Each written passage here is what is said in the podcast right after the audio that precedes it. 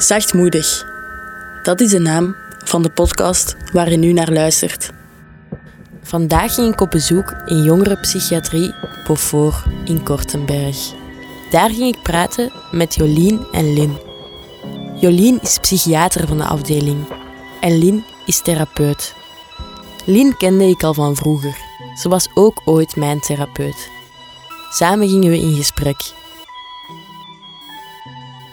We zijn in het UPC, Universitair Psychiatrisch Centrum uh, KU Leuven, zo heten we officieel. Um, en specifiek zijn wij nu op campus Kortenberg. Um, en wij werken beide op de afdeling Beaufort.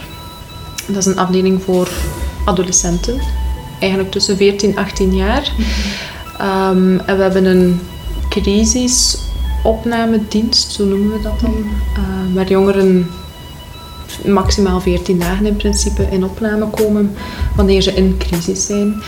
En dan daarnaast hebben we ook een kort verblijfdeel waar jongeren in principe maximaal drie maanden eigenlijk korte behandelopname. En tegenwoordig doen wij ook wel voor- en natrajecten. Dus dat betekent dat jongeren voordat die in opname komen, dat wij een aantal gesprekken doen om de overgang naar opname wat te vergemakkelijken. En ook na opname kijken wat hebben ze nodig om zo die overgang naar het echte leven en de andere hulpverlening ook terug te doen. Omdat we merkten dat dat eigenlijk daar wel wat op misliep. Zo het in opname komen was vaak een moeilijke, maar ook de overgang terug naar huis was vaak wel heel moeilijk. En dat zijn we nu sinds een jaar ja. um, aan, het, aan het aanbieden aan de jongeren die okay. komen. En op welke manier doen jullie dat dan? Is dat, zijn dat bepaalde sessies van zo, allez, om terug naar huis te gaan, terug in het dagelijkse leven? Of hoe gaat dat? Te kijken van oké, okay, raakt jij aangehaakt bij een ambulante psycholoog en dan zorg ik ervoor dat ik met die ambulante psycholoog goed kan over. En als ze niet gaan opdagen, ja, dan ja, ja. kan ik een keer bellen van hoe komt het dat je niet bent gaan opdagen om dat wat te vergemakkelijken.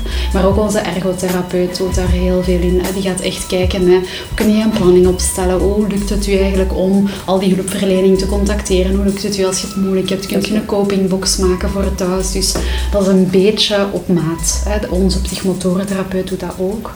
Die kijkt dan vooral naar het lichaam, van wat die nodig om rustig te worden. Kun je in hobby's iets gaan doen, zo, die in overgang. Dus het hangt ervan af. Het natraject is echt op maat, ja. van jongeren tot jongeren. Dat bekijken we echt van persoon tot persoon. En zelfs het voortraject proberen we zoveel mogelijk op maat te doen. Ja. Wat is jullie persoonlijke taak op de afdeling? Ik ben als kinder- en jeugdpsychiater um, oh ja, medisch-psychiatrisch verantwoordelijk eigenlijk. Ik draag de eindverantwoordelijkheid hoe vertaalt je dat in taken? in alle taken dat ik doe, denk ik. Um, maar ik als... Um, ja, ik moet eigenlijk ja, ook tot een soort integratie komen, want wij werken heel multidisciplinair. Um, om toch te zorgen dat de dingen ook afgestemd op elkaar zijn. Mm -hmm. daar heeft iedereen een verantwoordelijkheid in, maar ik moet toch als arts ook het overzicht echt proberen bewaken. Dus op uh, Beaufort ben ik uh, het grootste stuk individueel therapeut. Dat betekent dat ik uh, jongeren die de drie maanden bij ons zijn in de voor- en de natrajecten, dat ik die individueel psychotherapeutisch begeleid en kijk wat dat zij nodig hebben. En daarnaast ben ik therapiecoördinator. Dat betekent voor de twee afdelingen dat ik het coördinerende werk doe, dus de therapieroosters, um, bewaak de permanentie, bewaak, kijk als er problemen zijn om die op te lossen. Um, iedereen probeert te helpen om goed samen te werken. Um, ook de communicatie met de buitenwereld. Ja. Uh, bepaalde overleggen die moeten gebeuren, zodat dat... Dus dat houdt ook heel veel brede dingen in. Wat loopt er mis in onze maatschappij rond mentale zorg?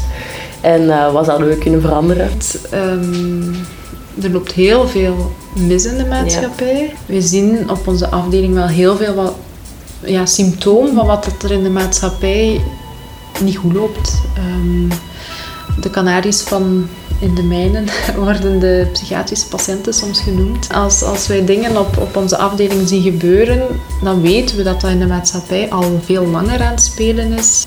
Jongeren zeggen vaak tegen ons, dat, of zeggen dat met gedrag, ik word niet gehoord, ik word niet gezien. -hmm. Maar ik denk dat dat effectief is, dat de volwassenen niet naar jongeren luisteren. Op de manier dat ze dat nodig hebben. Hè. Op de manier dat ze wel geluisterd.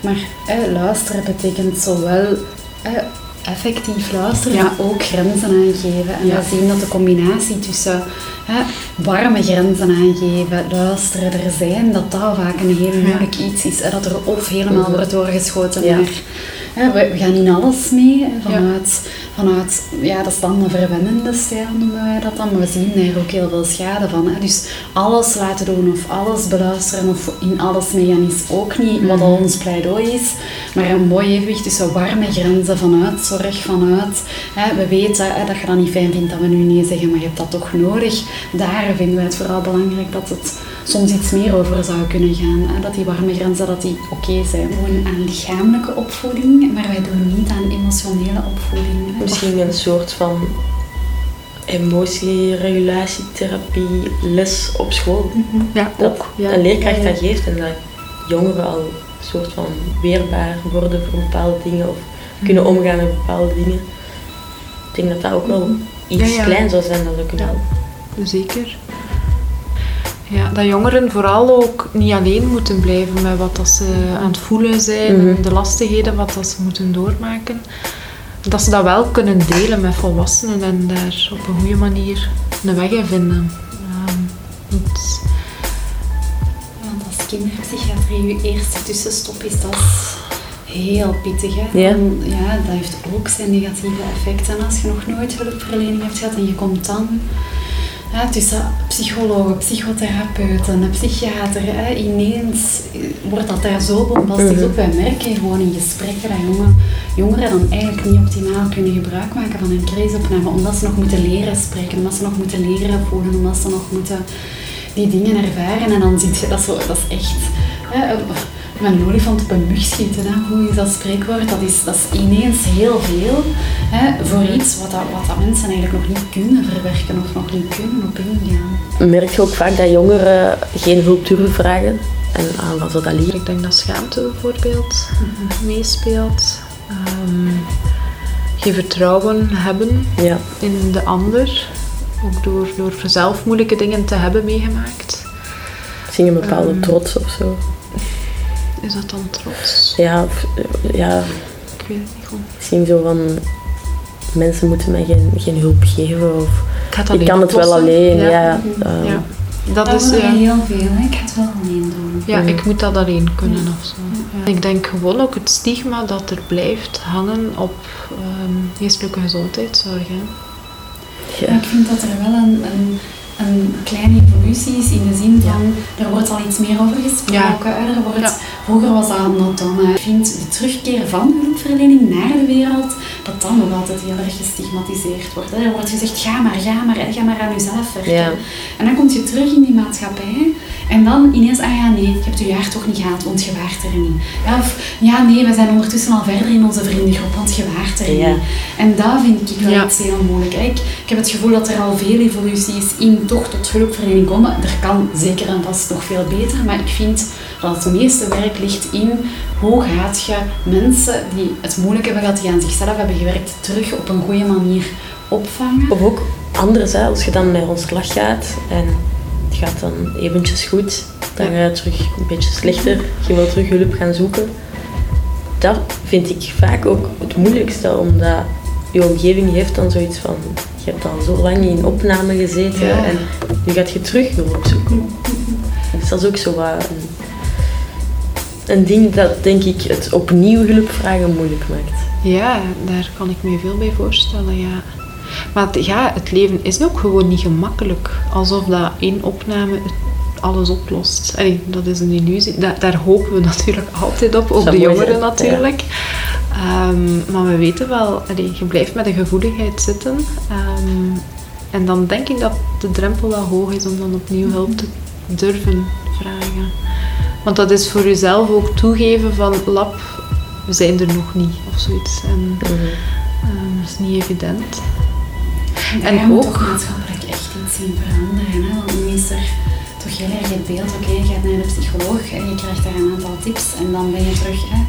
Ben je terug gewoon klaar om in de wereld te gaan. En dat daar in dat maatschappelijk beeld, dat therapie, dat dat jaren duurt. Hè. Een goede therapie Ja, maar dat is. En het kan ook goed zijn en je kunt naar een psycholoog gaan. Ik vind dat hallucinant hoeveel geld dat er in psychofarmaca gestoken wordt en in de terugbetaling van psychofarmaca.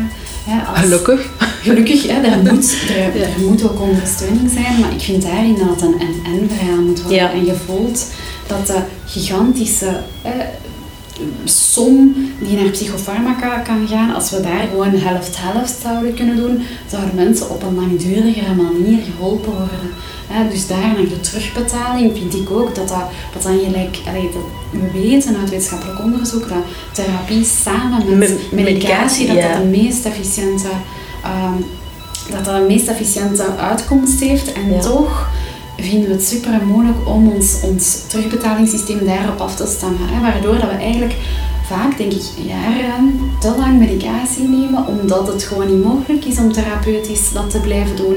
Dat kost ook echt veel, hè, naar een psycholoog gaan. En dat vind ik ook iets heel lastig. Ik begeleid vooral in mijn ambulante praktijk mensen die um, uit hele erbarmelijke omstandigheden komen en daardoor ook de financiële ondersteuning niet hebben van een familie of van een gezin, er letterlijk helemaal alleen voor staan.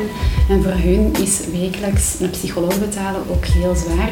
Laat staan nog dat ze van niemand geleerd hebben hoe dat, oh, krijg je terugbetaling.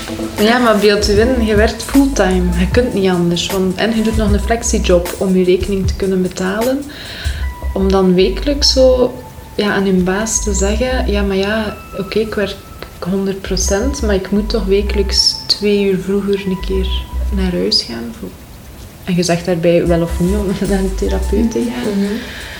Ik vind dat, ja, dat dat nog te weinig kan of zo. Hoe gaan jullie om met jongeren die het uh, moeilijk hebben? Wat ik essentieel vind, is dat je jongeren het gevoel geeft dat ze niet alleen zijn. Hè? Mhm. Echt letterlijk mee in die put gaan zitten en echt luisteren. Ik denk dat echt luisteren dat dat iets is wat we toch allemaal niet zo goed kunnen. Hè? Waar dat we veel meer in dat cognitieve zitten, maar heel moeilijk echt kunnen luisteren. Dus ik vind het samen in die put gaan zitten, samen echt naar die zwaarte durven gaan en niet meteen met oplossingen komen en echt luisteren vind ik de essentie. En dan komt al de rest, vind ik.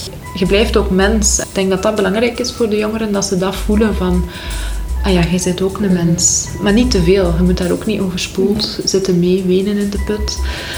Maar wel, ja, ook een, ergens toch een vertrouwen uitstralen, mhm. zonder dat je ja, autaan wordt of zo, van ik weet het. Ja, ja inderdaad. En wat is jullie ehm, doel, vooral met de jongeren? Hoopt altijd dat de jongeren een weg vinden in het leven.